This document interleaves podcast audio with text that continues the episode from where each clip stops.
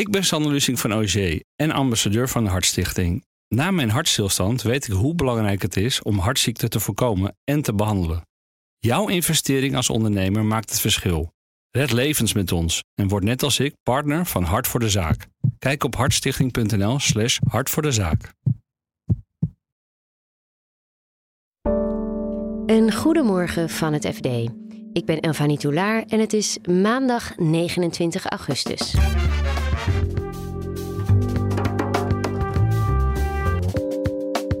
De verhoren van de parlementaire enquêtecommissie naar de aardgaswinning in Groningen gaan vandaag weer van start. Maar er is één grote afwezige. Dus een belangrijke speler die de commissie graag had willen verhoren. Maar hij komt niet. In een tijd dat thuiswerken normaal is, stoten veel grote bedrijven kantoorruimte af. Maar ondertussen willen de werkgevers niet dat het kantoor helemaal vergeten wordt. Je bent niet meer op de plek waar je aanschuift aan een bureau, maar we gaan hier gewoon even heel wat anders doen. En langzaam maar zeker zet Tata Steel stappen om duurzaam staal te gaan produceren. En zo moeten ze de, of willen ze, eh, de CO2-uitstoot uh, onder meer verminderen. Dit is de dagkoers van het FD. Vandaag gaat de parlementaire enquête over gaswinning in Groningen verder. Politiek verslaggever Bas Knoop volgt de verhoren voor het FD.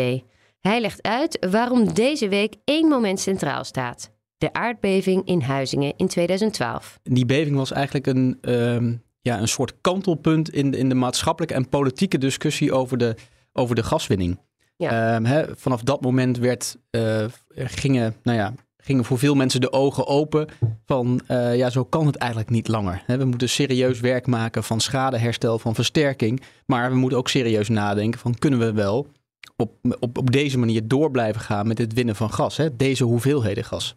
Het is inmiddels uh, tien jaar later, dus een heleboel mensen en een heleboel is er sindsdien gebeurd. Uh, wie worden hierover gehoord?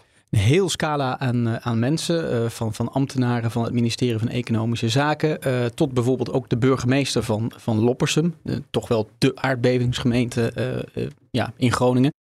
Ehm, Maxime Verhagen komt langs. Dat was in het kabinet Rutte 1 de minister van Economische Zaken tussen 2010 en 2012.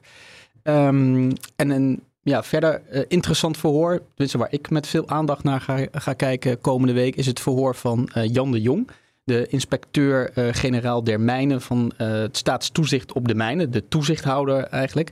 Uh, hij, hij, was daar verantwoordelijk tussen 2003 en 2014. En hij was de man die al in 2012 adviseerde om um, die gaswinning in Groningen zo snel mogelijk te verlagen. Meteen na die aardbeving in Huizingen. Ja, omdat uh, hij zag dat, dat, dat, de risico's op aardbevingen door die gaswinning groot waren. Um, en dat er schade zou kunnen ontstaan. Dus hij adviseerde dat, maar ja, zijn advies werd eigenlijk in de wind geslagen. Een jaar later, 2013, besloot uh, toenmalig minister Henk Kamp van uh, Economische Zaken om de gaswinning juist fors te verhogen naar 53,6 miljard kuub. Nou ja, dat is natuurlijk. Um, Wordt hij ook nog gehoord? Hij moet zeker komen, waarschijnlijk uh, de week erop. Uh, dan, uh, want de, de, de, iedere verhoorweek heeft eigenlijk een soort eigen thema. Hè, dus de eerste week voor het zomer is een beetje een inleidende week. Er kwamen een aantal gedupeerden ook aan het woord. Wat, wat de gaswinning en uh, de aardbevingen voor hen betekenen. Deze week dus echt Huizingen. Het, het kantelpunt in de discussie. Um, en die week erop gaan ze toch verder in de, in de tijd. Dus dan komt het jaar 2013 om de hoek. Waarbij dus ook Henk Kamp moet, moet verschijnen. De grote afwezige eigenlijk is een voormalig topman van ExxonMobil, Joost van Roost. Die uh, heeft geweigerd uh, te komen getuigen voor deze enquêtecommissie. Waarom? Ja, nou ja, dat is eigenlijk de grote vraag. Waarom? De, enquêtecommissie is uh, daar zeer teleurgesteld over. Hij was, even uit te leggen, CEO van ExxonMobil in de Benelux tussen 2000 en 2017. Dus een hele lange periode. Waarin dus de, de, de, frequentie en de intensiteit van die aardbeving ook toenam.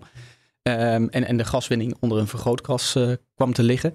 En ExxonMobil vormde dus samen met Shell de joint venture NAM. Hè, de Nederlandse aardoliemaatschappij. Mm Die sinds begin jaren 60 uh, verantwoordelijk is voor de gasproductie uit het Groningenveld. Dus een belangrijke speler die de commissie graag had willen verhoren. Ja. Uh, maar hij komt niet. je moet toch komen als de commissie je uitnodigt? Zeker. Ja, alle Nederlandse ingezetenen, Nederlandse burgers uh, die zijn als een enquêtecommissie uh, vraagt om informatie of te komen als getuige, uh, ben je verplicht om ja, daaraan gehoor te geven aan die oproep. er staat zelfs ehm, nou ja, een straf op van, van, van maximaal zes maanden gijzeling, heet dat dan. Maar alleen Joost van Roost is geen Nederlands staatsburger. Hij is Belg. Ah. Hij heeft de Belgische nationaliteit. Dus um, ja. Hij, Geen poot om op te staan. Nee, de, Tom van der Lee, dus de voorzitter van de enquêtecommissie, die zei ook van we hebben echt alles geprobeerd uh, wat in onze macht ligt om hem toch te bewegen te komen, maar uh, hij weigert. Um, en ik heb contact gezocht met ExxonMobil, maar uh, dat leverde niet meer op dan een schriftelijke reactie van um, het is een persoonlijke afweging en hij heeft de Belgische nationaliteit. Zij dus hoeft ook niet verplicht te komen. En wij zullen als ExxonMobil uh, verder uh, constructief meewerken aan, aan, de, aan, de, aan de, de, de voren. Nou ja. Maar hoe dat uh, in ieder geval niet met de oud-CEO? Nee, nee, nou ja, de, je kunt je voorstellen dat dat ook in, in, in Den Haag, in politiek Den Haag, Tweede Kamer, tot verontwaardiging leidde. Met name bij de linkse partijen. Ehm, de, de Groningse Kamerleden Sandra Beckerman van de SP en Henk Nijboer van de Partij van de Arbeid. Die spraken schande ervan, hebben Kamervragen gesteld ja, dat, dat heeft natuurlijk niet heel veel zin om kamervragen te stellen, denk ik. Uh, Want ja, hij hoeft niet te komen. Staalbedrijf Tata Steel heeft 65 miljoen euro uitgetrokken voor het ontwerp van een nieuwe fabriek in IJmuiden. Die moet uiteindelijk volledig op waterstof gaan draaien. Industrieredacteur Caitlin Stoker vertelt hoe Tata Steel van het vervuilende steenkool af wil komen. Tata Steel heeft de maandag bekendgemaakt dat het met drie grote ingenieursbureaus contracten heeft gesloten voor het ontwerp van een nieuwe fabriek of nieuwe fabrieken in IJmuiden, um, waar ze ja, het staal van de toekomst willen gaan produceren met, uh, met aardgas en um, op termijn waterstof in plaats van steenkolen. En zo moeten ze de, of willen ze, uh, de CO2-uitstoot uh, eh, onder meer verminderen. Nou, wat we nu zien is dat er 65 miljoen wordt uitgetrokken voor het ontwerp.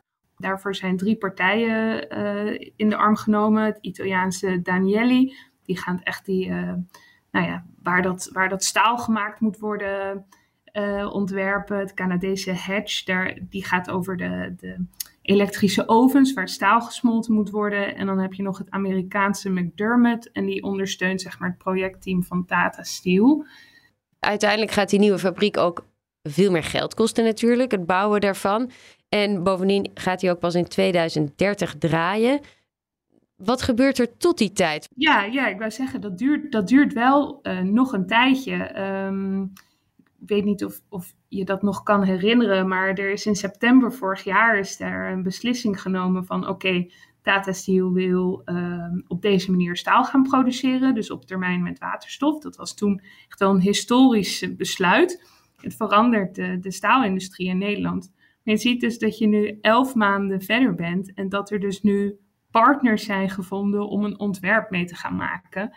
En de tijdlijn is dat er dan in 2030 een fabriek uh, draait. En dat is dan ook nog niet voor de volledige capaciteit van de, van staal, uh, van de staalfabrikant. Dus het, ja, ik denk als je er, je kunt er op twee manieren naar kijken. Ik denk met een technische pet denk je, dit gaat heel snel. Want dit zijn echt ontwikkelingen waar normaal tientallen jaren over wordt, wordt uh, nagedacht, uitgedacht. Um, dus, dus met die pet op gaat het heel snel. Maar ja, kijk je naar de maatschappelijke pet, stel je woont in de omgeving, dan denk je, ja, we zijn een jaar verder. Wat hebben we nu? Waar, wat heb ik hier aan als ik nog steeds iedere dag um, mijn, mijn tafel buiten moet schoonmaken? Of, of omdat je je zorgen maakt over je gezondheid vanwege al die RIVM-rapporten, waaruit blijkt dat er, dat er een stof dat in de omgeving neerdaalt, nou ja, dat er gevaarlijke stoffen in zitten. Dan klinkt 2030 natuurlijk nog heel ver weg. En uh, ja, dan is er ook nog het besef dat het dan niet om de volledige fabriek gaat.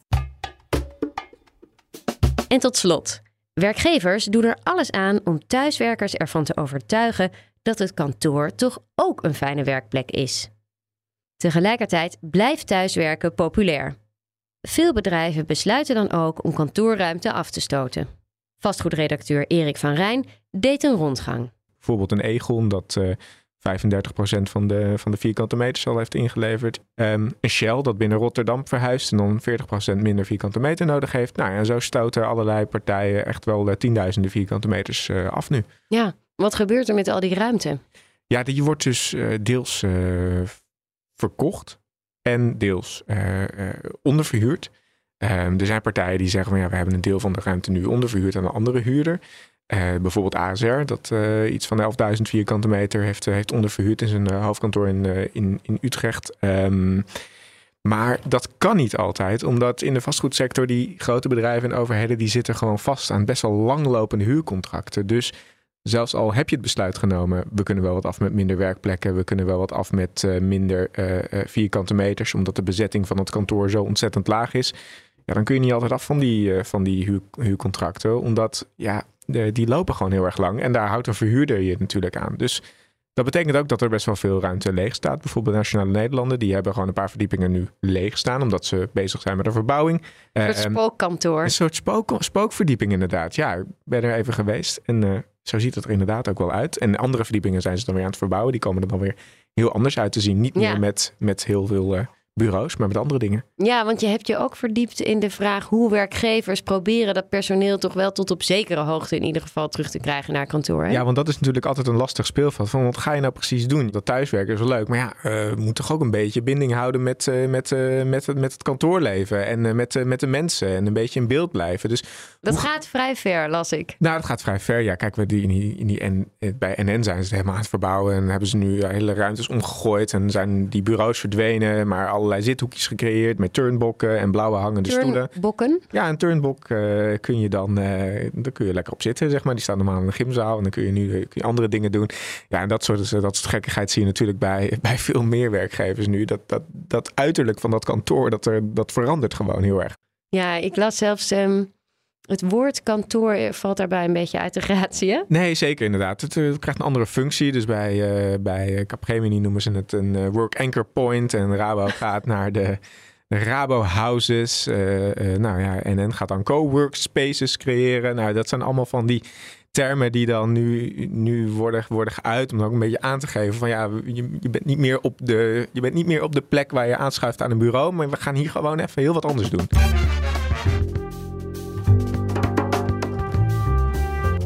Was de dagkoers van het FD. Het laatste nieuws over de verhoren van de parlementaire enquêtecommissie vind je natuurlijk op fd.nl. We zijn er iedere werkdag, dus morgen staat er weer een nieuwe aflevering voor je klaar. Die krijg je automatisch binnen als je je abonneert op dagkoers. Morgen is Pauliense Wuster er weer. En voor vandaag wens ik je een hele fijne dag. Ik ben Sander Lusing van OG en ambassadeur van de Hartstichting. Na mijn hartstilstand weet ik hoe belangrijk het is om hartziekten te voorkomen en te behandelen. Jouw investering als ondernemer maakt het verschil. Red levens met ons en word net als ik partner van Hart voor de Zaak. Kijk op hartstichting.nl/slash hart voor de zaak.